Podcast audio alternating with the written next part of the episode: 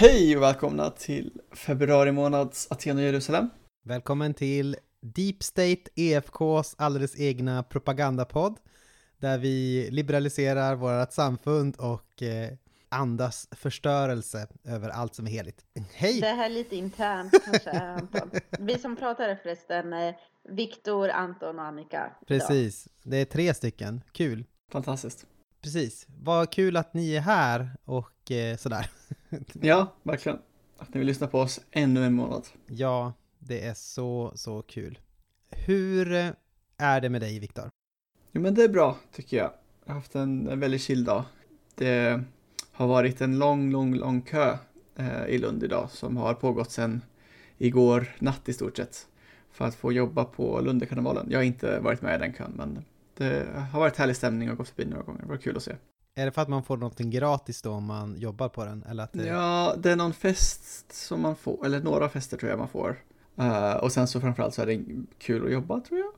Är grejen, jag är inte helt säker. Jag stod som sagt inte i kön för att jag inte är övertygad själv, men... Folk tycker lite olika om huruvida det är kul att jobba eller inte. Exakt. Ja, men det låter ju trevligt. Mm. Hur är det med dig Anton? Nyflyttad. Jag är trött, jag är så trött. Eh, Vi har flyttat till eh, Aneby, heter det. Det ligger i Småland. Och eh, Sofia har fått jobb här som ungdomspastor. Och jag hänger på och tar hand om barnen. Du är lite pastorsman. Precis. Eh, håller mig i bakgrunden. Mm. Kanske plinka på ett piano någon gång. Nej, jag kan inte plinka på, jag kan inte, plin- kan inte plinka på piano så. Du kan i alla fall ta hand om barnen. Jag kan ta hand om barnen, precis. Så att de inte kommer i vägen för Sofias självförverkligande. Nej. Nej, men precis. Så att eh, vi, vi bor här i ett litet hus på Industrigatan 13B. Eh, det är ett jättekonstigt hus. Det är, Mm. ni måste, man måste se det för att tro det. Det är ett väldigt, väldigt litet hus vi hyr. Och som har som typ en sån där brandvägg, för det ligger i ett industriområde. Så att det, Mm. se- det, det ser det som ett trähus och så har det plötsligt en så här brandvägg i, i, i, tegel. Så, så det ser jättekul Oj. ut. Så här bor vi. Ja, trevligt. Eh, hej då Linköping. Sorgligt att lämna dig. Ja. Men också lite skönt. mm. Hur är det med dig Annika? Det är bra. Fast jag är ganska gravid och Mm. trött och eh, foglossning och sånt. Och eh, det är, man får betala ett pris med sin kropp för att sätta barn till den här världen. Mm. Eh, det är inget som eh, ni behöver veta så mycket om. Eller vad ska man säga? Det kan göra ganska ont vid sädestömningen ibland. Smärtsamt har jag hört. Mm. Ja. Men eh, det är bra. Däremot så är det väldigt konstig tid. Eh, det är krig i Europa och eh, Mm. eh, det är väldigt svårt att ta in tycker jag. Eh, Man blir påverkad av det mentalt. Mm, verkligen. Faktiskt. Det är chockerande. Ja, alltså det hade man ju inte väntat sig att det skulle utvecklas på det här sättet som det gjorde. Nej, Eh, I alla fall inte jag. nej jag, jag hade nog inte faktiskt trott att det skulle bli så fullskaligt krig. Nej. Bara sådär. Men jag vet inte om man alltid är naiv i sånt här. Att man tänker ja, att krig är en sån extrem avvikelse. Så man kan aldrig liksom tro att det faktiskt ska bli. Ja, kanske. Ja. Men eh, ja, någon galenskap är ju i det här. Eller Mm. liksom det är inte logiskt eller vettigt. Nej, men kanske religiöst har vissa sagt, liksom att Kiev är liksom som, är en sån viktig stad i, för rysk-ortodoxa, liksom att det är den Mm. heliga staden, typ Jerusalem. Så att det skulle vara liksom nästan att det är någon så här korstågslogik i så fall, alltså från Putin då själv. Men sen Mm. så är det väl den officiella förklaringen det här med att man ska hålla på att av nazifiera Mm. eh, och så skydda rysk befolkning. Och det gör man ju, alltså Ryssland har ju, eller Sovjet äh, har ju russifierat många länder och sen dragit, Mm. när de drog sig tillbaka så blev det stora ryska enklaver kvar. Mm. Och de här har ju ofta fun- fungerat som att man liksom använder det som en kil mot det här självständiga landet, den här befolkningen, att man ska skydda eh, de här rysktalande eller sådär. Och så. Det är till exempel Moldavien så är det ju så, i Transnistrien, där är det också en utbrytarrepublik som man har typ stöttat mer eller mindre Mm. och har varit fredsbevarande styrka Mm. i. Och så. Alltså det är ju en stor skam för kyrkan att den rysk-ortodoxa kyrkan står Stoppar. bakom det här. Så. Verkligen. Tragiskt. Jag har, skri- jag säger, bruk, har sagt så här att eh, vacker liturgi dödar lika fullt. Ja. Ja, Okej, Fredrik Lindé är med oss den här, eh, eh, månaden. Ja, och vem är han? Eh, pastor i Brokyrkan Precis. och eh, teolog, Journalist. journalist ja. Din, eh, din hemförsamling, eh, Ja, det är lite roligt. Men han har kommit till min hemförsamling efter att jag själv har lämnat den. Men Mm. det är ändå på något sätt eh, att man har en plats gemensamt. Mm. ja, det är fint. Ja, absolut. Brokyrkan ligger då i Rimforsa för de av er som inte vet det. Rimforsa ligger i Östergötland. Rimforsa. Dubbelansluten till EFK Pingsta. Mm. Men eh, varför har, varför har ni intervjuat honom då? Va, bra fråga. Mm. Han har, gjort, han har gjort en film som man kan titta på, som heter Frikyrkans historia. Precis. En riktig spark i rumpan bra film. Mm. Om du tycker det är lite pinsamt att vara frikyrklig så kan ni titta på den här filmen. Du kan, Facebook finns det en, en sida man kan gilla som heter Frikyrkans historia. Och så. Mm. Vi hoppas att den kanske lanseras så småningom på SVT eller något sånt där. Det vore ju kanon. Mm, verkligen, blir lite mer tillgänglig. Men innan det så kan man ju, ehm, om man har någon form av grupp man vill se den med eller församling eller om man vill bjuda in, eh, som ni sa, alla lokala politiker till att se på den så, så kan man absolut göra det. Så gör det. Så man kan liksom se den som en grupp helt enkelt, just som det är nu. Har ni någon månadens mönster eller något sånt där innan vi rullar igång den här intervjun? Nej, inte, inte mer än att det är drygt med krig. Mm. Min månadens mönster går till rysk-ortodoxa kyrkan. Ja, men faktiskt. Du då Anton? Ja, men jag kan säga någonting kort kanske om krig eh, och eh, kapitalismens relativa eh, dygder när det Mm. kommer till krig och Mm. dess relativa brister och att båda är samma sak egentligen. Mm. Så här, det har ju konstaterats att eh, ja, vi har det värsta krigsutbrottet sedan andra världskrigets inledning i, eh, i Europa just nu med Rysslands invasion av Ukraina. Och det som är intressant är ju att eh, vi inte haft så mycket krig i, vad vi åtminstone kan säga, västra Europa. Inte så jättemycket i östra heller. Mm. Det har ju varit Jugoslavien då, är väl ett ganska Precis. talande undantag då.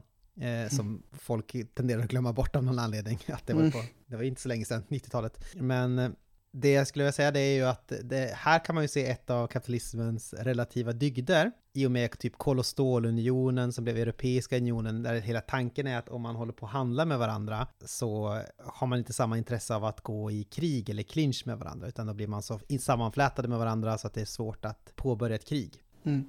Och där kan man ju se att det har ändå varit en, en relativ dygd att kapitalismen har gjort att vi inte haft eh, speciellt många storskaliga krig om i världsdelar där kapitalismen är väldigt stark. Mm. Däremot kan man ju se att det har haft invasionskrig i länder som står strax utanför eller inte är så starkt inflätade i den globala handeln. Typ Mm. Afghanistan, Irak eh, och sådär. Jag vill inte säga 100% att jag vet hur pass inflätade Irak var i den globala handeln, men det känns som att de var lite utanför i alla fall. Så där, där kan man ändå se en relativ dygd. Men eh, på ett sätt så är det också samma sak, det är, det är också dess last på något sätt. Att det är jättesvårt att ingripa eller på något sätt bromsa ner ett land som upprustar eller som kränker mänskliga rättigheter eh, eftersom man är så inflätad i varandra genom handel. Mm. Eh, till exempel Kina, Väldigt som alla älskar av någon anledning. Eh, eh, amerikanska NBA-spelare som pratar upp, som står upp för Black Lives Matter eh, skulle aldrig få för sig att eh, kritisera uigurernas eh, bortsopning från Kina och liksom koncentrationslägerssättning Mm. för att det är en så viktig handelspartner. Och eh, de har haft OS, du vet, allting sånt där. Det är jättesvårt att göra någonting mot Kina. För att de är så, så, så viktiga handelspartner. Samma Mm. sak med Ryssland. Det är så, så svårt att göra någonting mot Ryssland. Eh, eh, vi har haft väldigt svårt att göra någon sorts effektiva sanktioner eller något sånt där för att vi vill ha det sweet, sweet gas och allt vad det kan vara. Och eh, man kan komma med undanfläkter att man, när man har handel med varandra så påverkar man varandra som det inte har eh, skett i varken Kina eller Rysslands fall. Då. Mm. Så att eh, det som både har varit liksom kapitalismens dygd är också dess last. Att vi Mm. blir så sammanflätade med, med handel med varandra att vi varken, att vi kanske inte går i krig med varandra i första hand eller kan stoppa när någonting sker så Mm. lätt. Eller försöka liksom bromsa det. Jag tänkte på det också att med den världshandeln som vi har, att vi är så enormt beroende av varandra, de olika länderna liksom. Eh, Mm. och eh, eh, hur det verkligen kan vara en svaghet också. Mm. Alltså, nu skulle man ju önska att vi var självförsörjande på eh, allt, liksom. så att man bara kan säga till Ryssland eh, tack och hej, eller så. Mm. Men nu, får, nu är det bara Gud som får, Jesus får valla nationerna med en stav av järn snart och eh, komma tillbaka. Mm. Jag tror det är vårt bästa hopp. Ja. Mm. Ja, känner, känner du dig färdig? Då kan vi dyka in i dagens avsnitt då. Mm. Ja.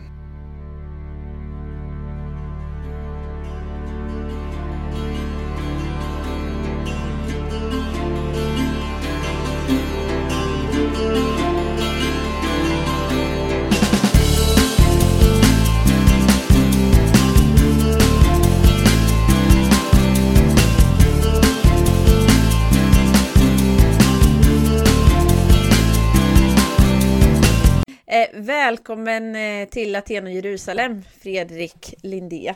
Tack snälla! Hur är läget? Jo, det är bra. Jag har haft en sån här klassiskt intensiv dag, men eh, läget är bra. Jag har lagat ett par jeans idag. Ja. Då är det tummen upp. Gött. Ja, Ja, det är bra. Mm. Men eh, det är ju fint att du tar dig tid för oss när du haft en intensiv dag. Mm. ja, jättekul att få vara med. Så är det ju. Jag hade ett, eh, en gång när jag bodde i studentkorridor att de höll på att försöka bleka jeans nere i källaren i garaget. Liksom. Det luktade jätteilla efteråt, så det var inte, inte att rekommendera. Nej, nej, precis. Eh, men du lagar på något annat sätt. Jag premiärlagade med lim idag. Jag har ju sytt jeans i alla år. Mm. Men jag har ju fattat att man, man ska limma dem innan man syr på den där lappen för att det är... Ja, jag vet inte. Jag ger det ett försök idag. Första gången. Ja, men det men det, ja, precis. Du är, det är ett föredöme bara det att du lagar eh, jeans, tänker jag. Ja. Du, det, det är ett klassiskt tecken på att man är en bra människa, tänker jag. Det, det är märkligt det där med jeans. Man, det, säger så mycket om ens livsstil. Jag har ju tidigare cyklat jättemycket. Då har jag slitit mina byxor på knäna. Mm. Jag, jag har funderat jättemycket på varför jag har haft hål i knäna. För jag har liksom inte... Men sen när jag fick barn, då slutade jag slita på knäna. Det var jättekonstigt. Eh, Mm. Man tänker att det borde vara tvärtom. Men, men, och nu har jag börjat slita dem. Ja, men precis bredvid gylfen så går ju mina byxor sönder nu. Jättekonstigt. Men jag har insett att det är för att jag cyklade mycket förut och då slets knäna. Och nu Mm. eh, leker jag väl så att de slits vid gylfen. Med, med mig slits, Man sitter mycket i skräddarställning. Ja, exakt, exakt.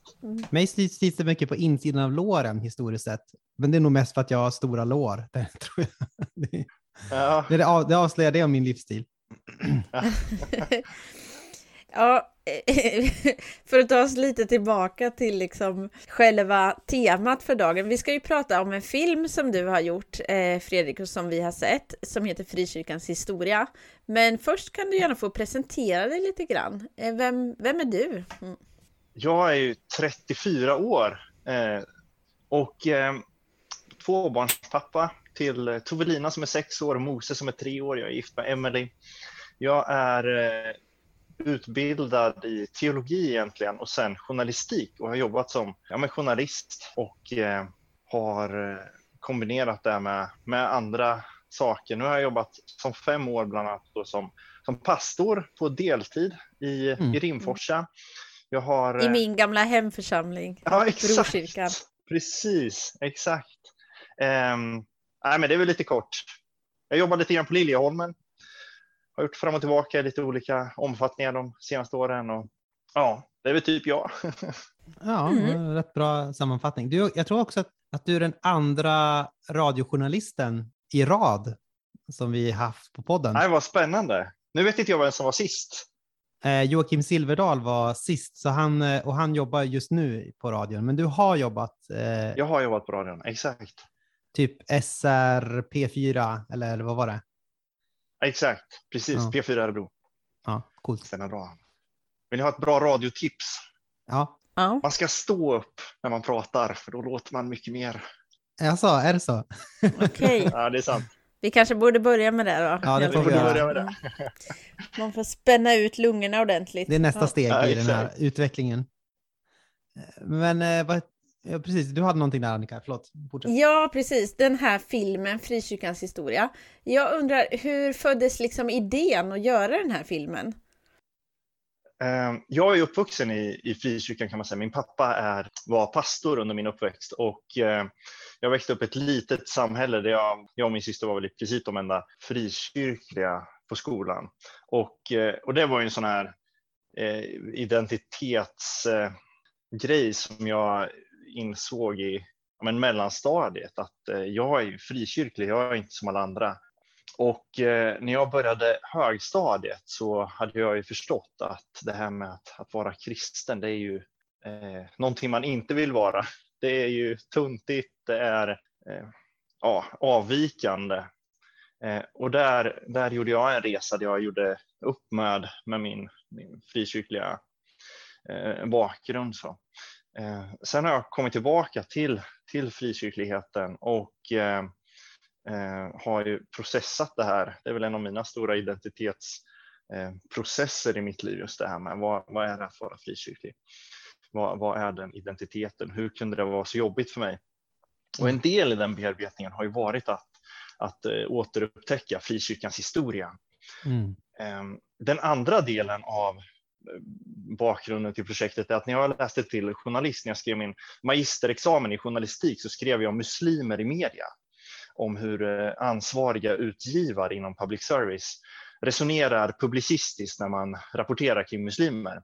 Och eh, under den studien så, så eh, insåg jag att väldigt mycket av det de säger är ju precis samma sak som, som gäller för frikyrkliga, just det här med mm. att, att man egentligen vet väldigt lite och man försöker förhålla sig på ett snyggt sätt, men att det är väldigt svårt publicistiskt att, eh, att resonera kring de bitarna, för man, man, man kan väldigt lite om, om frikyrkan mm. och om muslimerna. Mm. Eh, så det var ju kanske min ingång som, som gjorde att jag började närma mig de här frågorna utifrån ett journalistiskt perspektiv. Eh. Så det är väl lite bakgrunden. Det är jättespännande. Men jag tänker, det, det, den här filmen kommer ju i en, en speciell dokumentärfilmstid, kan man säga, också för frikyrkan. Eh, just nu har, går det ju på SVT, en serie som heter Gud som haver barnen kär eh, i fem avsnitt tror jag. Och det skildrar ju framförallt olika unga vuxna och eh, saker som har varit jobbiga för dem när de har vuxit upp i religiösa miljöer. Eh, och då är det ganska, ganska många frikyrkliga eh, ungdomar som är med, eller eh, ex-frikyrkliga eh, eller så. Och så nu har det också släppts en, en dokumentär, såg jag, om, om Hillsong på SVT. Eh, som heter Hillsong när Gud blir viral. Också en sån här ganska, om en kritisk historia. Liksom. Och jag vet inte, jag tänker lite grann, vad, vad tänker du att i, i, i den här i den här tiden med de här dokumentärfilmerna som liksom ligger ute och som ganska många tittar på, vad tänker du, vad, vad kan liksom din film bidra med där? Precis. Eh, jag började egentligen jobba med den här filmen 2016. Då började jag söka om, om pengar egentligen eh, första gången och försökte få med SVT på en samproduktion.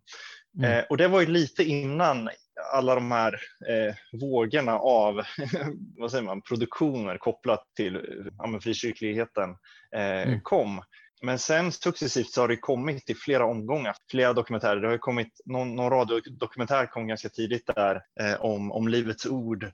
Det kom i takt med, med Knutby där så kom det ett gäng eh, olika grepp på Knutby och sen under det att jag var igång, jag började 2020 egentligen med att, att filma då skarpt, eh, så kom den här Knutby-filmen eh, i sex delar om Knutby. Mm. Mm, just det. Och eh, det har ju ändå varit en eh, fond till hur hur jag sen har bearbetat mitt material jag mm. tror att man, när man gör en sån här sak, man försöker någonstans att vara eh, väldigt noggrann och saklig, men man gör det ju alltid i en kontext och eh, den här Knutby-berättelsen var ju en, en viktig berättelse i samtiden och sen kom den här eh, det, frikyrkan och musikundret ja, eh, som SVT gjorde. Mer positiv? Ja, den var, den var en, en positiv skildring av, av, mm. av eh, frikyrkligheten, eh, men som, som eh, närmade sig de här frågorna ifrån från musiken. Så. Och det är klart att de, de har nog präglat till viss del min, min produktion också. Så. Sen så har de här andra greppen kommit när jag varit så långt in i processen så att eh, den här som går nu, den hade ju premiär samma dag som min film hade premiär, så den har ju egentligen inte påverkat så mycket. Nej. Men det är väldigt intressant att se att de här frågorna har kommit upp i, i den offentliga debatten. Eh, och en, en av dem som kanske lyfter in det här i det offentliga samtalet är ju Lars Trägård. Mm. Som, som jag tror kanske är förtjänt mycket cred. Eh, sen så har ju det här funnits, det är inte en okänd historia inom frikyrkligheten, men i allmänhet så, så har det nog inte funnits så mycket eh, jag tror P1 gjorde en dokumentär om demokratins historia här förra året, eh, där man hade en del av om just eh, frikyrkliga delen i i, eh, i demokratiseringen i Sverige till exempel. Mm. Jag tror att, att det hade nog kanske inte uppmärksammats om inte Lars Trägård hade berättat fram det eh, på ett sätt som eh, sekulära journalister hade tagit till sig. Mm. mm. Så jag tror att det är en viktig, viktig del i, i att de här berättelserna kommer fram. Och det kommer ju väldigt lägligt till när demokratin firade 100 år förra året i Sverige. Mm. mm. Men man, man blir väldigt så här pepp av att se din film tycker jag och liksom lite stolt över också vad, vad frikyrkan har eh, bidragit med i samhället och sådär. Man, man får ju lust att visa det för alla sina icke-kristna vänner också och eh, människor som inte kanske har så bra koll på det för att liksom ja, få en bättre, eh, bredare bild av vad frikyrkan är och har bidragit med. Men sen pratar Anton och jag om att eh, det kanske finns eh, även ett utbildningsbehov inom kyrkan, alltså bland unga och sådär. Hur mycket, hur mycket tror du att man liksom behöver, ja, eh, känner vi till vår historia tillräckligt bra eller, eh, ja? Jag, kom, jag kommer också när jag växte upp att det var lite, eh, att, att inställningen också bland oss själva var liksom, ja men vid kyrkan vi är de som hakar på saker sist typ. Kristna är de som hakar på allting sist, så vi bränner häxor och sen så kommer andra på att eh, det är inte bra att göra det eller något sånt där och sen så hakar vi på det och sen så någon som kommer på demokrati och så hakar vi på det lite sent om sidor. Liksom så där. Ja. ja, precis, precis.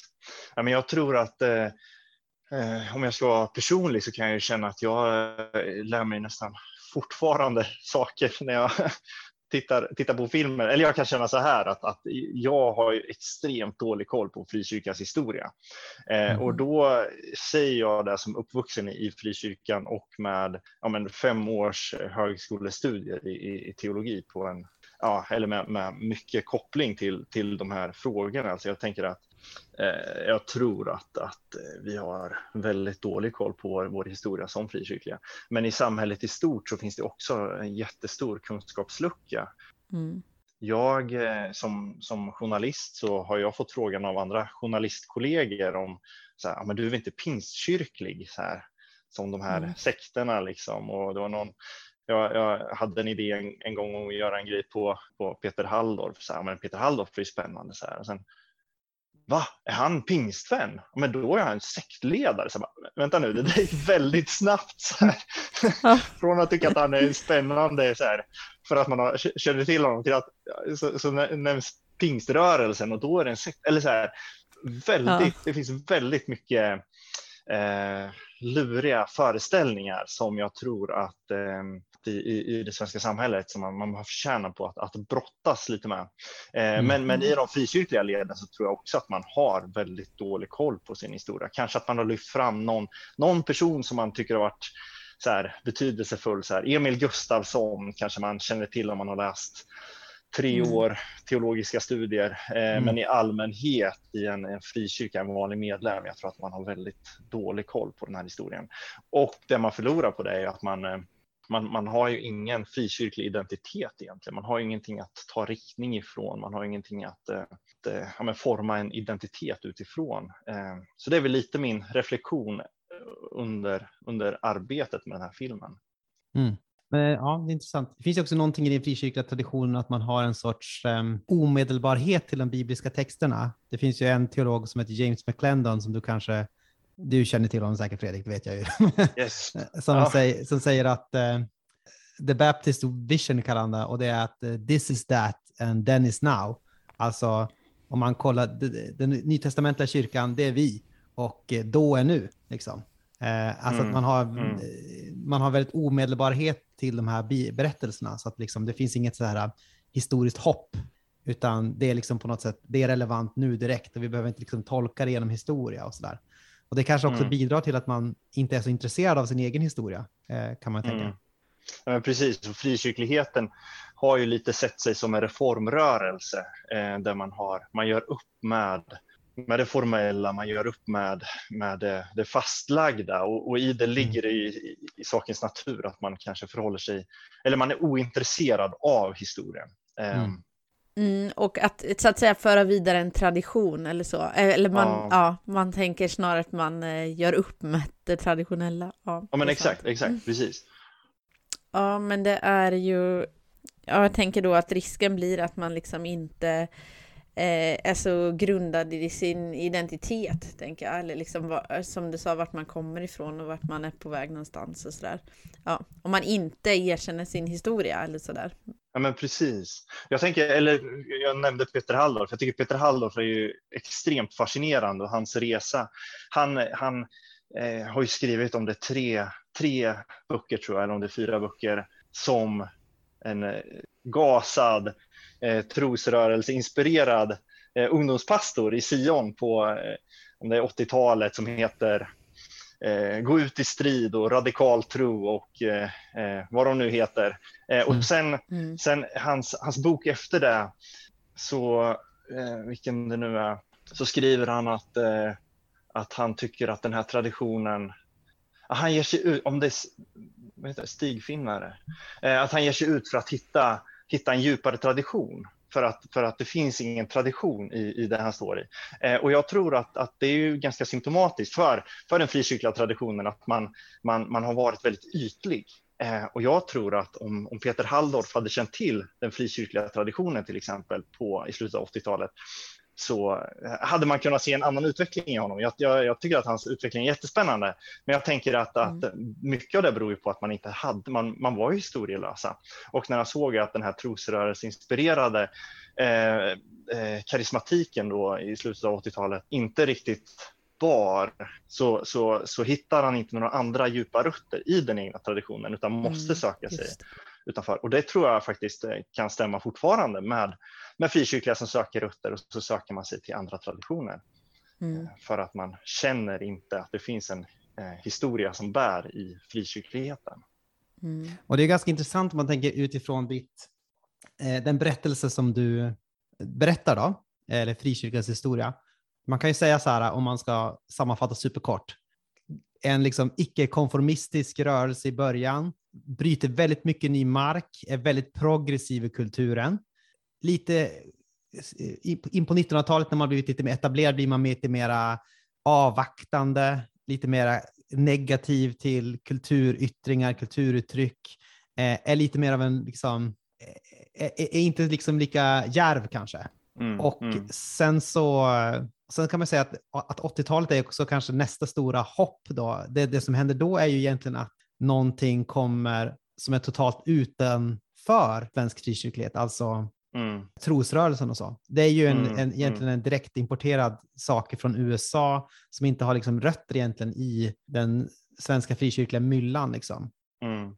Och som importeras av ett gäng präster då egentligen. Eh. Ja, mm. precis. Men, men, som också kommer att påverka frikyrkan väldigt mycket framöver, liksom om man tänker 90-talet, lite mera crazy basy tid och... Eh, och, men, och, och som i media eller i offentligheten ja. blir, eh, vad säger man, mönsterbilden för frikyrkligheten på ett sätt. Eller så här, som blir mm. en av de företeelser som, som liksom eh, intar arenan som frikyrkligheten. Mm. och det är ganska märkligt, men, men ungefär så det är liksom, eh, där blir liksom Livets Ord, eller om man ska säga trosrörelsen, blir på ett sätt frikyrkan. Det är liksom själva urbilden av frikyrkan, den riktiga frikyrkan för kanske gemene man när de tänker på det. Det är Carola, det är trosrörelsen liksom. Mm. Eh, och, så. och egentligen så är det någonting som är ja, men en ganska främmande fågel liksom i, Mm. Och som då Peter Halldorf också tror att det här är liksom min tradition och den måste jag ta avstånd ifrån. liksom. Mm, mm. Nej, men precis, och i pingst eller trosrörelsen fick ju stort genomslag just för att man, man kände igen karismatiken och vad säger man, tron eh, eller mm. ja, men de karismatiska alltså uttrycken i anden. Liksom. Så att det var ju en hög igenkänningsfaktor. Sen fanns det ju andra saker som man var främmande för, men det får ju ändå väldigt stort genomslag i, i eh, vissa pingstförsamlingar, vissa pingstsammanhang som är väldigt intressant. Mm. Mm. Och det får mig att tänka på, om man då tänker liksom också, nu är, kanske lägger mycket skuld på trosrörelsen, men om man då tänker också på Gud som haver barnen kär av den nya serien, är det också kanske mycket liksom en sorts eh, trosrörelsespiritualitet som eh, de här ungdomarna känner sig liksom kränkta av, liksom en sorts överandlighet, kanske en sorts eh, demoner finns i många, i många buskar åtminstone. Ja, mm. det, jag tänker det, det, är kanske inte, det är ingen färdig teori, men det är bara någonting, en tanke liksom att, eh, att ta med sig. Sen så blir det också det som blir frikyrkan på något sätt, att alla är, alla är vi såna här demoner i varje buske.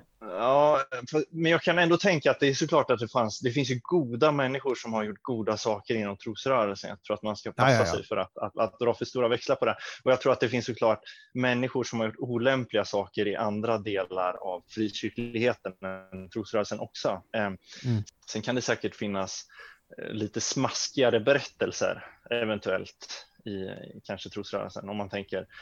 Jag kan väl gissa att, att kanske Left behind böckerna lästes i högre utsträckning inom trosrörelsen än inom Missionsförbundet. Och, och det är klart att växa upp med, med en sån rädsla för att jag ska vakna upp och mamma och pappas säng är tom mm. eh, är ju såklart att det kan ju göra djupa sår i en. Vi fick se den filmen på tonår när jag var typ 13. Det var ju brutalt. Eh, och typ så här diskutera den lite. Men det var ändå inte som att jag uppfattar att man, present, man presenterar som, ja, vad ska man säga, undervisning mm. typ, den här filmen. Och sen ja. att man hade lite samtal. Men det var ju verkligen inte klokt att äh. göra så, tycker jag. Ja men precis, ja precis. Mm. Ja. Men jag tänker inte, alltså det är egentligen inte en skuld på trosrörelsen i sig, mer än att eh, den spiritualiteten, den spiritualiteten som är läckte ut därifrån. Ja, den påverkar liksom egentligen väldigt många av de här eh, mer konservativa karismatiska rörelserna. Och de får de väl ta ansvar lite själva för det, det, det, som är, det som man inte har filtrerat ut som är liksom mera eh, destruktivt kanske man kan säga. Men jag tänker att man såg upp till mycket, alltså tyckte att det hände mycket där och det var häftigt liksom. Mm. Och eh, ja, man tog ändå en del inspiration därifrån. Mm. Så. Och det mm. som sagt, då får man ju ta ansvar för själv, där man har tagit vidare som inte var gott. Liksom. Mm. mm. Eller vad tänker du Fredrik? Nej, jag håller med. En, en annan fråga, om vi byter spår lite grann. Eh, jag tycker var väldigt spännande mot slutet av dokumentärfilmen så blir det liksom lite framåtblickande eller sådär. Och då, eh, så jag tror det är Runar Eldebo kanske som säger så här att, ja, någonting i stil med fromt folk blir rika, eller kan bli rika, men rikedomen gör ingen from, eller något sånt. Ja, precis, exakt, exakt. Fromt folk blir ofta rikt folk, men rikt folk blir sällan fromt folk så var det ja. Mm, ja. Så var mm. det. Mm. Eh, och lite det han säger är ju liksom att frikyrkan kommer ju ur, alltså det är ju arbetare från, som bär, eh, som är den stora massan i frikyrkan liksom från början. Och eh, sen så kanske man kan då eh, bryta med till exempel eh, livsval eller levnadsmönster som eh, successivt så gör att man får det bättre och bättre. Och nu är ju frikyrkan inte till den stora delen arbetarklass, utan det är ju snarare välbeställd medelklass liksom. Och eh, det gör oss eh, kanske då mindre, ja men mindre radikala eller mindre benägna att göra uppoffringar eller mindre benägna att verka för samhällsförändringar som, mm. vad säger man, gynnar de mindre bemedlande eller vad man ska säga. Mm. Jag tycker inte att eh, det ligger mycket i det, eller så som att jag liksom funderar på det förut, men, men vad, är liksom, vad tycker du är vägen vidare? Kan vi bli fromma igen i den bemärkelsen att liksom börja leva mer för, eh, vad ska man säga? Dessa mina minsta. Dessa minsta, ja. Eller få ett större samhälls, samhällsengagemang för liksom de svagare grupperna eller vad man ska säga. Eh, vi, vi har ju fortfarande till exempel arbete med flyktingar men det blir väldigt mycket någonting som ja, enstaka aktiviteter som man gör då för en annan grupp som inte är, vi. alltså så. Medans mm. eh, i början så var ju eh, man var ju fattig liksom. Så att eh, det man gjorde för de fattiga gjorde man ju också för sig själv på något sätt. Alltså, ja. Mm. Förstår du mm. frågan? Mm. Mm, ja, precis. Nej, men det är klart att jag, jag tänker att det är en bärande, Ehm, en bärande del av, av det kristna livet, är ju min, min tro. Eh, så, eh, just vad, vad, är det att vara lik Jesus? Vad, vad är det att, att leva i hans fotspår? Eh, jag pratade med eh, Magnus Hagevi om, hur, om en klassresa. Jag skrev en artikel i Dagen i, i, i höstas om, om klassresan inom frikyrkligheten. Eh, och då menar han att eh, men pingströrelsen kanske inte har gjort en så stor klassresa menar han, utan pingströrelsen är i väldigt hög grad fortfarande eh, arbetarklass. Mm. och eh, det är intressant, medan inom det som idag heter Equmeniakyrkan då, så, så har man gjort en tydligare klassresa där man har men en högre utbildningsnivå till exempel då i församlingarna. Mm. Eh, medans eh, metodismen i Sverige tidigt var, ja, men man nådde högre in i, i samhällsskikten från början. Så, så det har ju sett på ett sätt, när, när man gör en film som är en timme så är ju målgruppen inte egentligen teologer eh, så, utan det blir ju ändå, min, min avsikt med den här filmen är att att få, få bjuda in människor som den enda relationen man har till frikyrkan är Knutby egentligen, Knutby och Livets Ord kanske, och få berätta en större berättelse. Det har ju varit lite min målgrupp och min, de jag siktat på. Eh, och därför så har jag valt att prata om frikyrkans historia mm. och försöka hålla ihop begreppen. Så. Men det är klart att när man går in på detaljnivå så är det lite mer komplext såklart än mm. vad det kanske framstår då i filmen eftersom det är ett gäng olika rörelser som, som kommer ur olika sammanhang och som inspireras av olika saker. Mm. Sen tycker jag att den här historien ändå är rättvisande och eh, försöker berätta en, en större samlad berättelse som kanske ibland att vissa betoningar var starkare inom vissa rörelser än andra. Så. Eh, men, eh, men jag kan ju, min, min reflektion eh, är ju att eh, eller min reflektion. Jag kan ju tycka att, eh, att eh, jag skulle vilja se mer utav engagemang för utsatta människor. Men jag vet inte om man ska säga att det har försvunnit. Eh, om man tänker flyktingvågen till exempel här för, för mm. några år sedan, så var det ändå någonting som, som präglade frikyrkligheten brett. Eh, mm.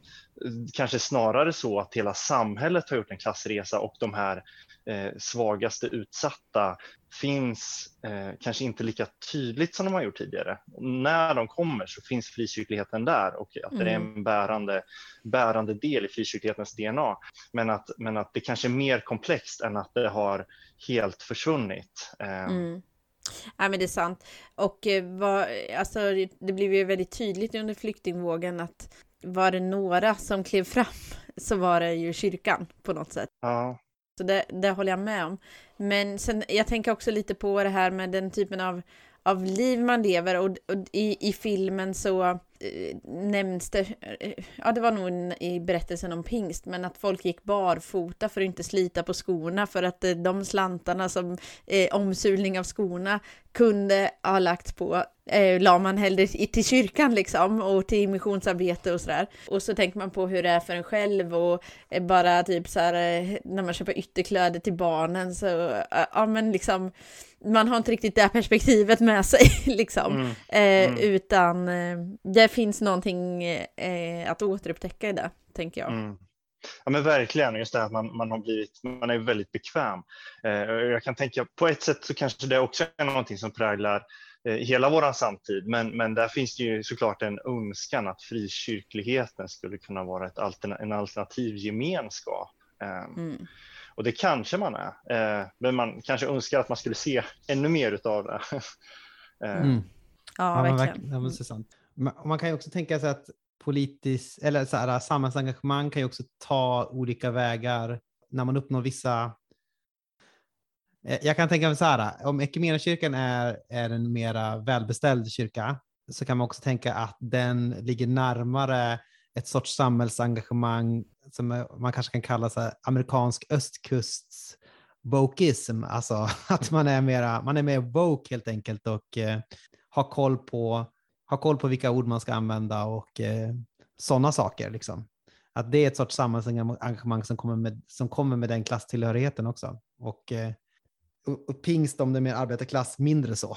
Utan, Mm. Men det förvånar mig lite att eh, pingst är mycket arbete, eller det kanske det absolut är, men det känns också som att det finns så här många lyckade företagare inom pingst och Mm. eh, det, det känns som att typ det är pingstvänner som äger halva Linköpings eh, bostäder och sådär. Ja men sådär, men det kanske är eh, också vissa människor som eh, man känner till som de som lyckas bäst och sen kanske liksom det basen i församlingen är mycket, mycket Mm. bredare. Mm. Ja, men min känsla är att pingst har alltid varit duktiga på att odla entreprenörer. Eller så här, Levi Mm. Petrus som liksom är den stora förebilden är ju en extrem entreprenör. Och, eh, Mm. och det präglar ju hela pingströrelsen. Eh, Men, men man är kanske inte akademiker på samma sätt. Pingst var ju kanske den rörelse som ändå tydligast tog avstånd från utbildning. Eh, Mm. Eh, medans, medans i, i kanske då Missionsförbundet i Baptistsamfundet, nu ska jag inte säga när, när man bildade Betelseminariet, men det är ju 1800, kan det vara 1870, ja 1860-70 någon gång. Eh, man är ju tidiga, det är ju jätteviktigt, det är ju verkligen en bärande del det här med utbildning. Eh, Mm.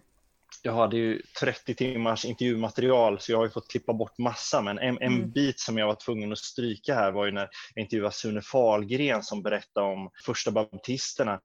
Eh, för de första baptisterna så var ju utbildning helt central eftersom alla, allas röster räknades. Mm. Alltså när, när, du, när din röst har betydelse, när någon lyssnar på dig så är, blir det viktigt för dig att ja, men kunna fatta beslut. Alltså ha, Mm. ha kompetens. Så utbildningen blev ju väldigt starkt betonad då i, i, i baptistsamfundet väldigt tidigt. Och det är ju, det är ju jättefascinerande. Och jag tror att, att det Magnus Hagevi är inne på är ju att, att kanske Ekumenia har, har fler akademiker. I pingst finns det framgångsrika entreprenörer men att många kanske arbetar medan i, i missionsförbundet och i, i, i Mm. Ekumenia så är man mer eh, akademiker. Ja, just det. det, apropå det här med att entreprenör, det är en väldigt rolig historia i din eh, film det här med att, eh, att Levi Petrus startar piratradio utanför, Sverige, utanför på internationellt vatten, kör ut det liksom en båt och en radiosändare och bara kör liksom. Det är ändå kul. Exakt. Ja, Jag tänker om man vill göra civila olydnadsaktioner så kan man bara peka på Levi Ja, men Petrus och exakt. den händelsen. Ja, men exakt, för det kan jag ju tycka, här, vi har ju ganska dålig koll på vår historia. Jag kan ju tycka att min bild av pingströrelsen är ju inte att man jobbar med civil olydnad Ja. först och främst, tänker jag. Jag tänker att det kanske är mer kanske ek- ekumenia då om man ska eh, stå och gissa lite. Men det är ju intressant att Levi Petrus kör piratradio. Det är ju fantastiskt. Mm. Mm. Ja, det är kul. Ja.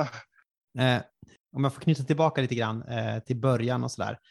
Du, du berättar ju då om hur frikyrkan är väldigt eh, progressiv eller liksom vad man kanske kan säga banbrytande i, i sin barndom och sådär. Väldigt tidig med demokratisk eh, styrelseform, eh, väldigt tidig med kvinnligt ledarskap i vissa rörelser och eh, på det sättet banar mark för, eller banar väg för samhället liksom som släpar efter lite grann att, att, kunna, följa, att kunna göra liknande saker. och sen så har vi ju att man då går över till, också till en mer kanske avvaktande fas eller en mer konservativ fas kanske man kan säga, där man framförallt allt säger nej till olika kulturyttringar, kanske man säger nej till bio, man säger nej till det här nya som kommer som inte är fött från en själv, man säger nej till dansbane, eländet och sådär. Va, hur tror du, hur kom det sig att man liksom gick den här vägen? Liksom att eh, eh man gick från den här eh, progressiva rörelsen till det här lite mera, ja, men lite mer konservativ, lite mer avvaktande eh, hållningen. Jag, jag, jag frågade, jag tror att det var Rune Vedalén jag frågade eh, just den frågan. Eh, och eh, han sa att, eh, eller det är ingen som har forskat på det här, men, men att han, han trodde att det nog beror på att man, man fick, eh, vad säger man, man blev privilegierad i samhället. Man, blev, man fick religionsfri, eller man, man fick möjlighet att samlas eh, utanför stadskyrkans lokaler. Man fick eh, vissa saker och då blev man så rädd att utmana systemet. Mm. För att man vill inte förlora de här, ja, men, de här sakerna som man hade fått. Och därför så blev man mer Eh, passiv just i, ja, men, i att, att eh, utmana eh, samhället till exempel. Så det kan, nog, det kan nog ligga en del i, i det. Och det hör ju lite ihop med det här med med att, att frikyrkan idag kanske har blivit lite återhållsam för att man har blivit gynnad i samhället och då är man inte lika Eh, belägen att sätta det på spel eh, för att utmana strukturer kanske. Eh, jag kan tänka att det kan ha någonting med det att göra. Sen, sen det här med, med kulturyttringar generellt så där med när man tar avstånd från dansbanan och, och biografen och så där så tycker jag att jag, jag, tror att det ligger mycket i det som, som, som Fredrik Venell säger i filmen, just det här med att man, man, tänker att tron angår det djupa i människan och därför så, så tar man avstånd från ytlig kultur. Mm. Därför får man inte gå på bio, därför får man inte gå på dansbanan för att det tillhör det ytliga. Medan som frikyrklig så ska man ägna sig åt det som angår djupet i människan. Det mm. tycker jag är en, en rimlig förklaring. Eh, kanske delvis då, det finns säkert fler, men att jag tycker mm. det är en god förklaring. Ja. Och det är väl kanske också, vad ska man säga, relevant att reflektera över även i vår tid. Det vill säga, vad matar vi oss med? Vad fyller vi oss med? Söker vi djup eller stannar vi ofta uppe på ytan? Och mm. inte mm. som att det ska leda till några nya bioförbud, men att det på något sätt eh, den ambitionen att eh, gå, gå på djupet, eh, den måste vi på något sätt ha kvar som kyrka, tänker jag. Mm. Mm. Precis. Och det är ju viktigt, eller så här i, i pandemitider också när man har reflekterat kring eh, sociala medier och hur man kommunicerar och hur man når.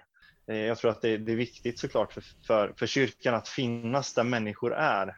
Mm. Men just det här, vad gör mediet med med eh, budskapet och så. Att det är ändå mm. viktiga saker att, att reflektera över.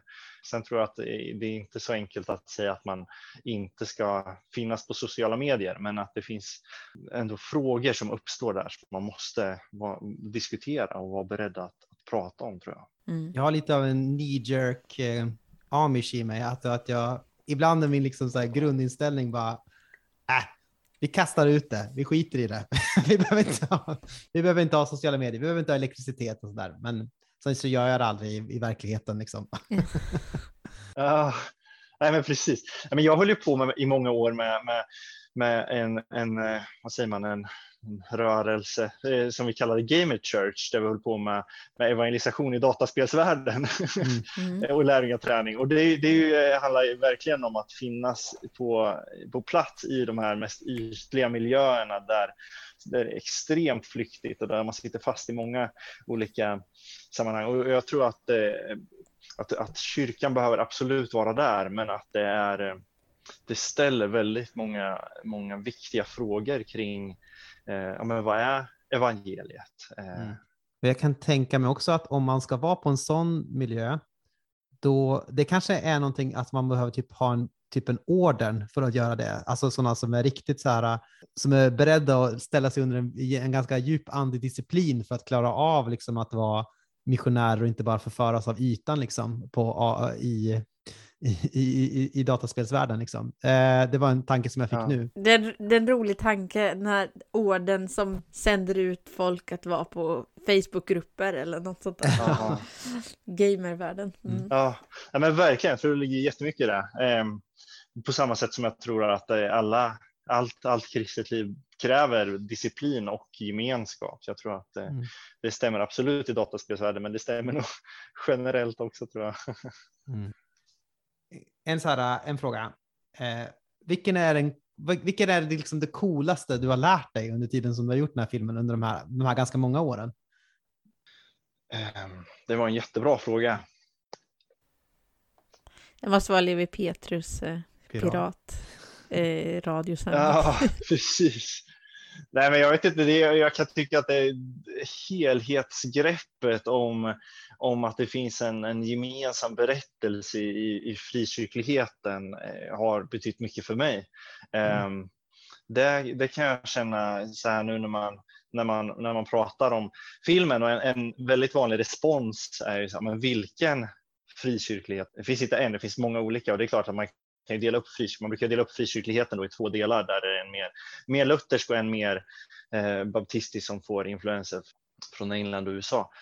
Um, men, men jag tycker ju också att, att i den större svenska berättelsen så finns det ju en gemensam berättelse som är väldigt, väldigt vacker.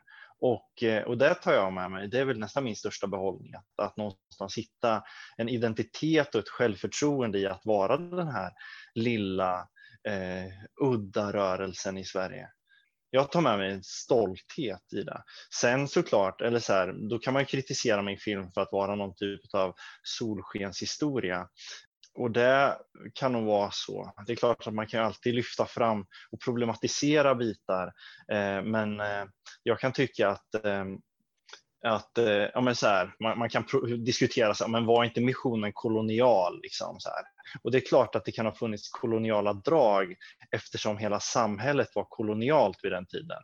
Eh, det som, är, det, som är liksom, det som utmärker frikyrkligheten är kanske mer de här när frikyrkligheten får, får kvinnliga ledare så ja, men efter Hanok Deloni så, så dröjer det länge innan, innan Frälsningsarmén till exempel har en, en kvinna på en, en så pass hög post.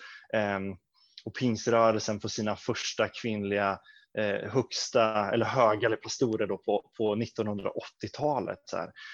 Det kan man ju lyfta fram då som någonting som är motsägelsefullt. Men samtidigt så det som är intressant är ju inte de eh, trender där man följer samhället i, i, stort, utan, utan de här som avviker och där, där man går före. Det är klart att det kan man kritisera och vända och vrida på, så, men så, så har jag ju valt i, i, i den här filmen ändå, att berätta det som, det som sticker ut, det som är annorlunda samhället. Och det är ju lite frikyrkans identitet också, eller gör ju frikyrkans identitet rättvisa i det här att man, man, man om eftersträvade att vara annorlunda. Man ville utmana och reformera. Mm. Mm. Har du något mer, Annika? Nej, men vi kanske ska gå in lite för landning då. Mm. Eh, vi har ju två frågor som vi alltid brukar ställa till gäster i den här podden. Eh, och den första frågan är, eh, vem är Jesus Kristus? Ehm, Jesus är världens frälsare. Ehm, men jag skulle nog eh, om man, om man ska trycka, trycka på någonting skulle jag säga att Jesus är liv. Eh, Jesus är liv i en död värld. Eh, att eh, mötet med Jesus är att eh, bli levande jord. Eh, och inte bara på ett sånt här det här är ju en nördig te teologpodd, tänker jag, inte bara på ja, någon sån här existentiell tillish eh, variant sådär, utan att, att Jesus är liv rent etiskt, tänker jag. Eller så här, Jesus kommer, jag gillar ju Dietrich Bonhoeffer till exempel, eller så här, Jesus, Jesus är etik på ett plan. Eller så här, Jesus är, är liv, han är liksom vägen, eh, ett sätt mm. att leva. Eh, mm. skulle jag understryka, men, men mm. det är såklart att man, man kan säga mycket, mm. men det är viktigt för mig. Absolut, bra svar. Um, den andra frågan, eh, vem tycker du vi borde intervjua i den här podden? Um... Vi har typ intervjuat hälften av dem som är med i din film redan. jag vet, jag vet. Ni har en extremt bra repertoar. det är verkligen så här, jag är så, verkligen inte alls där. Men, men, eh, men eh, jag tyckte det var jätteroligt att prata med Mia Lövheim mm, eh, som är professor i, i Uppsala. Eh, i, i, hon är professor i religionssociologi. Ehm, eh, om medialisering. Eh, det handlar alltså om hur, hur medias bild eh, i, i, idag så är det väldigt få i Sverige som har en första persons relation till religion eh, i, i, olika meningar. Och medias bild gör, eller har en väldigt stor påverkan på religion i samhället. Mm. Det tycker jag är jätteintressant. Det skulle man kunna mm. prata om. ja, men det är så mycket, ja, men det, är, det är mycket samtidigt att man, ja, men det är typ andra, tredje, tionde hand som man skaffar uppfattningar om saker. Ja, och då blir ju de här, ja, så här sex delar om Knutby som jag tycker är superbra. Eh, men, men det blir lite, om det är det enda jag hör, så, så präglar ju det min, min bild av frikyrkan. Mm. Och där kan jag tycka att men där, där har ju min, min film då en, en relevans i det, det större pågående samtalet i samhället. Vi får sprida din film vidare. Ja. Ja. Men hur, hur köper man den eller hur sprider man den? Eh, I ett första läge nu så kan man bara se den, man kan inte se den som privatperson egentligen, utan eh, man kan se den som eh, studiecirkel, man kan bilda en studiecirkel och det finns ingen, inget formellt i att vara en studiecirkel, utan det innebär egentligen att man, man bjuder in några kompisar och sen ser man den tillsammans. Ehm, eh, det kan man göra. Man kan hyra den som församling för att göra en, en offentlig visning och det tycker jag är det roligaste sättet egentligen. Min förhoppning var ju att, att, att jag har inte fått in den här filmen på SVT. Det är inte helt stängt, men inte än i alla fall. Det vore Mm. väldigt roligt att få visa den där. Eh, Mm. Men min förhoppning är att den ska nå utanför eh, kyrkans väggar.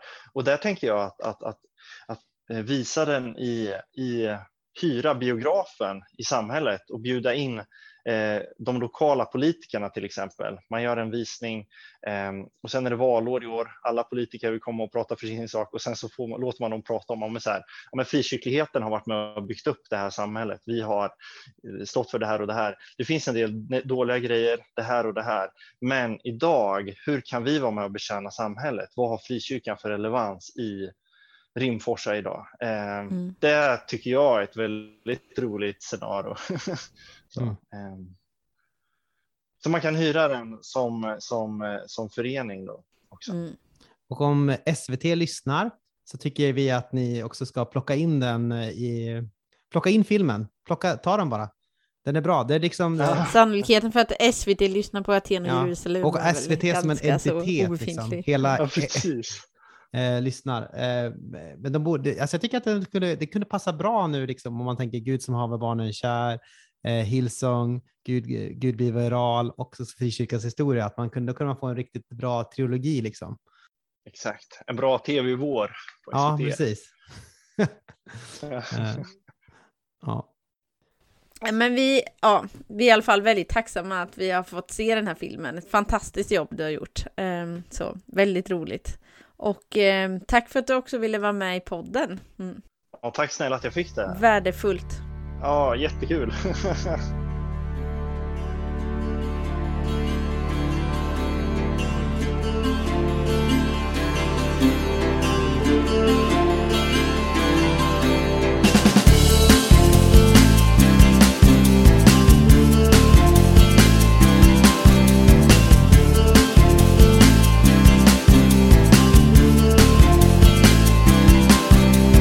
välkomna till Eftersnack! Way.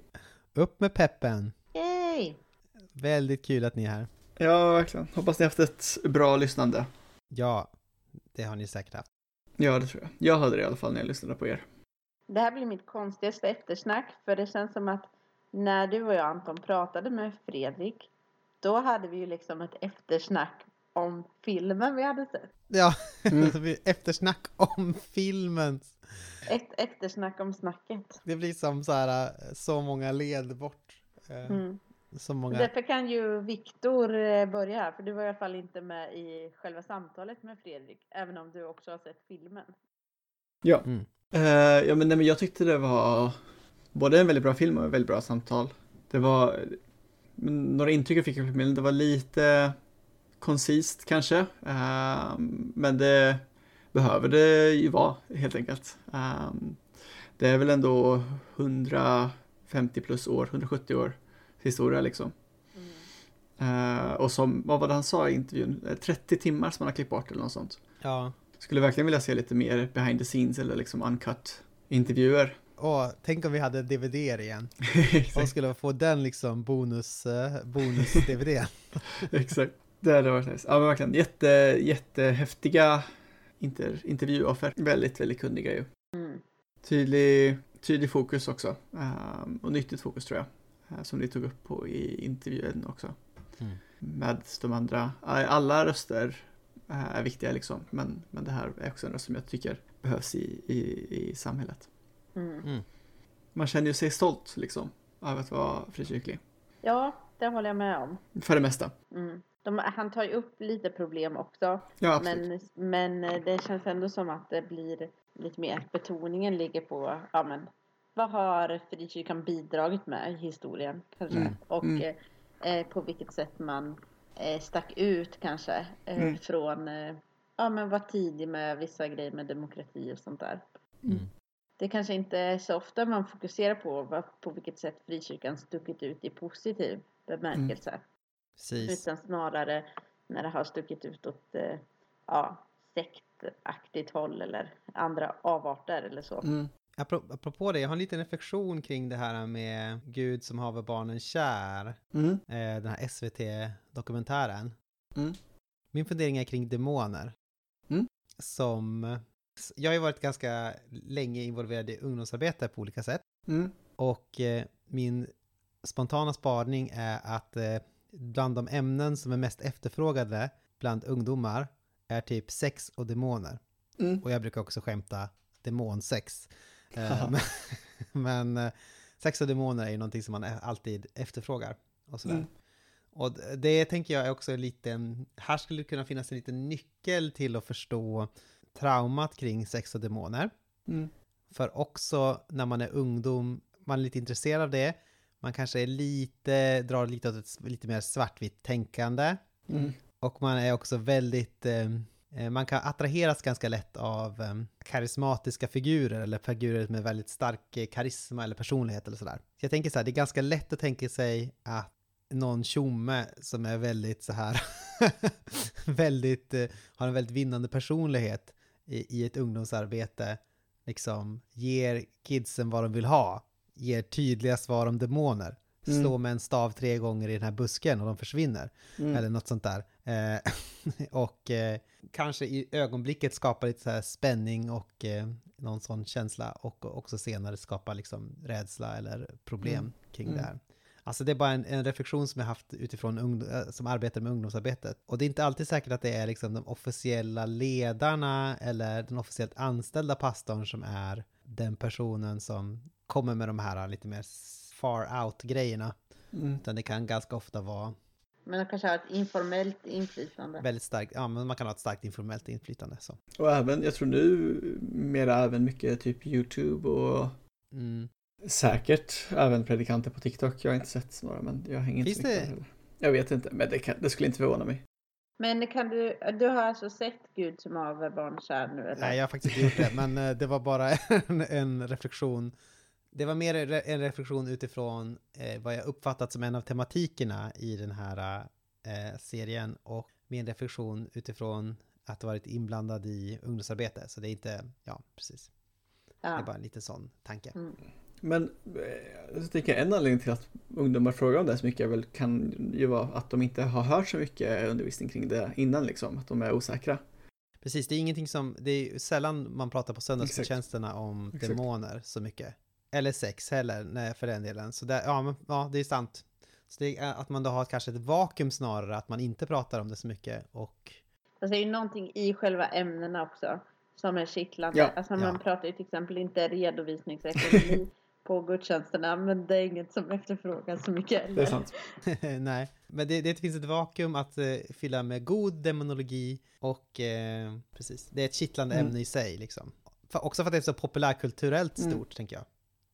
Och ibland kan man också märka, jag lyssnade på den här Mars Hill, eh, The Rise and Fall of Mars Hill kanske ni så, lyssnade på någon av er, Jag kommer ihåg att det fanns. att det fanns. Ja. Och då var det också mycket så här att, han pratade en del med, om demoner och sådär, att han var ute och, och då, men då slås det med att han också känns som att han, han hämtade ganska mycket från populärkulturen när han skulle liksom presentera sin demonlära eller vad man säger. Mm. Det är kanske så man gör, om man, om man är, att man plockar lite så här exorcisten-grejer, typ. Mm. Om man, då vinner man poäng kanske och man slår an någonting som folk känner igen och sådär och det blir lite, det är väldigt kittlande och sådär. Nu är vi egentligen ganska långt bort ifrån Mm. själva filmen om frikyrkans Precis, historia. precis, Ja. det är vi. Mm. Ehm, ja, mer tankar. Mm. Ja, men jag tyckte inslaget om Knutby och om, om eh, syndakatalogen var väldigt bra. Det är ju men, människor som har funderat eh, på det och forskat kring det liksom som förklarade lite mer. Um, tyckte det var väldigt nyttigt. Kan, skulle 2000, 2022 kunna bli bioförbudsåret i Aten och Jerusalem? Mm. När vi diskuterar det i varje avsnitt. ja, precis. Nej men, men eh, det tar vi upp också i vårt eh, snack va. Men eh, att det, det här med liksom fokus med bioförbud var liksom att man inte ska lockas med mycket att bara vara kvar på ytan utan att gå Mm. i djupet. Och så tänker jag att det är något som vår kultur gör så är det väl att förleda oss att hela tiden med diverse distraktioner stanna på ytan eller så. Mm. Att ständigt vara underhållen, ständigt distraherad liksom. Mm. Så att, eh, men jag vet inte om bioproblemet skulle vara Netflix-förbud då kanske. Eller? Men bio känns ju nästan som en så här... äh, Men det Ja. känns nästan kontemplativt att gå på bio. Mm, faktiskt. Här sitter jag och kollar inte på telefonen och bara tittar på en sak liksom. Mm. Och eh, eh, lyssnar och tar in liksom. Jämfört med eh, mycket annat man sysslar med. Ja men precis, också så här att bio är ju liksom sån medvetet beslut. Här går jag iväg till en stor salong och köper popcorn Mm. Eh, tillsammans med en vän och kanske cyklar hem med den vännen och pratar. Oj oj oj, de där alienserna va? Vilken, det, det, Ja men det, är är, ju- som, det är som en rit nästan. Där. Mm. Ja, ja men verkligen. Mm. Det är ju liksom Det är ofta väldigt socialt. i storslaget jämfört med att bara liksom låta livet rinna genom fingrarna Mm. framför Netflix Mm. liksom. Ja. Mm. Så nej, inget bioförbud men Nej. nå, kanske något Netflix-förbud helt Vi tar nästa, nästa frontier, eh, Netflix-förbud. Mm. Man måste flytta fram... Nya eh, syndakatalogen. Ja, precis. 2.0. Eh, eh, ja, men man, jag tycker på ett sätt att man skulle kunna ha det här med ordnung som amishfolket har. Alltså att eh, man har liksom som en sorts regel för livet eh, som man inte menar är liksom jämställd med bibeln eller så här, eller, utan den är revideringsbar liksom. Mm. Eh, men som man fortfarande liksom förhåller sig till. Och ibland kan jag tänka så här att man skulle kunna göra saker som att typ inget internet efter tio eller något sånt där Mm. skulle kunna vara en bra, eller eh, ordnung att man kan inrätta sitt liv efter eller så. Mm. Men vi tycker väl att vi, vi tycker väl även att Bibeln är revideringsbra, eller? Ja just det, för att vi är i FK Deep State ja, så Nej, förlåt, förlåt Annika, fortsätt. Nej, Mm. jag, jag sk- eh, skulle bara säga att eh, jag har inrättat en regel för mig själv som är att jag laddar mobilen i badrummet och inte vid sängen. Mm. Bara Mm. för att jag inte, alltså det är så många kvällar som jag bara har legat och scrollat istället för att typ läsa eller ja, Mm. prata Mm. eller sådär. Att man bara blir uppslukad av den där skärmen. Och den regeln har jag också haft eh, ganska länge, att jag inte sover med mobiltelefonen i närheten också. Mm. Eh, och så. Jag med Det är faktiskt. väl också, det är väl också som en, u- tror jag inrättade det som en ung man också för att inte liksom eh, frestas av eh, dåliga hemsidor med eh, nakna människor eller sådär. Mm. Eh, det har varit en ganska bra, en bra livs, livsregel Mm. att inte sova bredvid sin telefon. Det hjälper ju sömnen också att inte ha blåljus det sista man ser. Ja. Mm. Alltså blåljus som i mobilljus eller skärmljus, inte, inte polissirener. Och också skönt att inte behöva se polissirener på sina motioner för då är det något som är fel. Faktiskt, faktiskt. Man kanske inte har jättemest makt över det alltid heller, men, Mm. men om man kan undvika det så är det bra. Fler intryck av filmen. Ja, men jag, det, det, det här med när eh, Philadelphia Pingst i Stockholm var nytt, ehm, så var det eh, människor som, in, som gick till, till församlingen istället för att ta tunnelbanan och, och till slut även liksom gick barfota för att spara på kronorna och kunna ge det till församlingen istället. Mm. Mm. Ehm, så att församlingen skulle kunna köpa och renovera det här, det här äh, slottet liksom. Mm. Och det är ju å ena sidan väldigt vackert, väldigt fint, ett väldigt härligt uttryck på, på församlingshängivenhet och kärlek liksom. Mm. Mm. Men det kan ju också absolut tolkas ganska sektigt kan jag tycka. Mm. Att de här stackars fattiga människorna som liksom inte har någonting ska gå barfota med all risker som det innebär genom Stockholms gator. För att liksom en, en församling ska kunna köpa ett slott, alltså så. Och sen, även om de är en del av församlingen så, om det skulle hända idag så skulle det väcka vissa varningsklockor och, kring ledarskapet där till exempel. Mm. Mm. Det håller jag med om att man tänker, ja här måste man typ ge alla sina pengar Mm. för att vara med. Ja, det skickar inga bra signaler. Precis. Det finns ju den här uh, intressanta med änkans skärv uh, känner ju till. Uh, Mm. Alltså det är en, en kvinna i evangelierna som Mm. ger eh, sina sista koppar slantar i, Mm. i tempelinsamlingen. Mm. Och så säger Jesus hon har gett mer än alla de andra för hon gav det sista hon ägde eller något sånt där. Mm. Mm. Nu, parafraserat. Och den kan man ju, den kan man ju tänka, på två sätt. Mm. Dels som en väldigt så fin och eh, sedelärande berättelse Mm. Mm. om att ge Mm. och ge även om man inte har så mycket att ge. Mm. Men det, det står ju också i ett sammanhang som är intressant, i alla fall i några av evangelierna, som jag inte kommer ihåg. Alltså att st- strax innan står det typ eh, Ve er skriftlärda och fariseerna som äter änkor ur, sina hus och eh, sådär. Mm. Att det kommer liksom direkt innan. Och i så fall ska man ju läsa berättelsen inte som att Jesus säger Wow, kolla vad häftigt det är med att hon offrar allt hon har till Gud, utan snarare så här det här, här kanske det finns ett utnyttjande i botten. Mm. Just Eh, det. och att då Jesus, Jesus är inte så förtjust i templet på det sättet, utan han säger ju liksom, när då lärjungarna säger kolla på alla dessa fina stenar, säger han. Ja, det kan titta på dem. Här kommer inte lämna sten på sten, utan allt kommer rivas ner liksom. Mm. Mm. Men det är, sant, det är sant, men jag tänkte att i den berättelsen finns det på något sätt en... Jag har tänkt att udden är mot att vad värderar vi som tittar på som Mm. värdefullt. Typ att det, är, alltså det är så lätt att bländas av all är rikedom och sådär. Och eh, eh, kolla vad mycket den ger eller sådär. Mm. Att man, eh, ja, att man missar det som är man missar det som är det centrala liksom. Den Mm. här som ger i ödmjukhet. Man kan tänka den där änkan. Om hon gav det sista hon hade. Då behövde hon få pengar från tempelkassan nästa dag. Mm. ja. Och så sen skulle jag också vilja säga att eh, sekt eh, Mm. är ju ett negativt ord. Mm. Men eh, sociologiskt så tycker jag inte att det är ett så negativt ord. Okej. Alltså om man tänker allmän i vad folk tänker när de hör sekt. Mm. Då är det såklart eh, ondska. Men om man tänker hur det, har- hur det har fungerat i sociologin, att man pratar om sekt. Då är det inte nödvändigtvis någonting som är så himla hemskt. Mm. Vad en sekt? Det är mer ett neutralt ord typ. Ja, det är ett beskrivande ord för typ Mm. en grupp som, en religiös grupp som avviker, eller vad ska man säga? Precis. Ja, men som avviker från de gängse normerna i samhället, kanske man kan säga. Mm. Eh, och som har liksom en, en mer exklusiv uppfattning kanske av Mm. vad e- evangeliet kräver eller sådär. Mm. En starkare förväntning på vad, hur livet ska formas liksom. Mm. Så att det, ja, på det sättet är, inte sek- är det ju inte hemskt att vara en sekt, tänker Nej. jag. Nej. Det är tråkigt om man är en ond, eller den här i folklig svenska Mm. onda sekten liksom. Ibland kan jag tänka, jag har skrivit en, en rubrik i, i eh, min magisteruppsats som heter Till sekterismens försvar. Mm. Eh, så. Mm. Mm. Coolt. Ja. Ja. En, sist, en till sak. Mm. Det, det tog vi upp i, i, i eh, intervjun också, men det var med riktigt häftigt citat det här med fromt folk blir ofta rikt, men rikt folk blir sällan fromt. Mm. Och att applicera det på just frikyrkan i Sverige, i, i hur vi kanske har, lite har tappat vår udd, så generellt sett. Mm.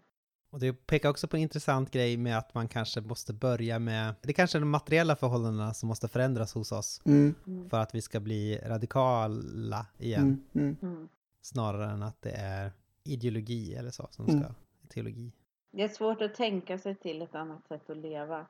Värme säger det är lättare att leva sig till ett annat sätt att tänka. Precis. Mm. Det var inte mitt citat. Det är någon som har sagt det och det är bra. ja, precis. Ja. Vad säger ni? Ska vi sluta där eller? slog en, knöt just en metaforisk knut i luften. Tack för att ni har lyssnat. Ja, verkligen. Vi finns på Facebook, Twitter, Gmail, Patreon. Precis.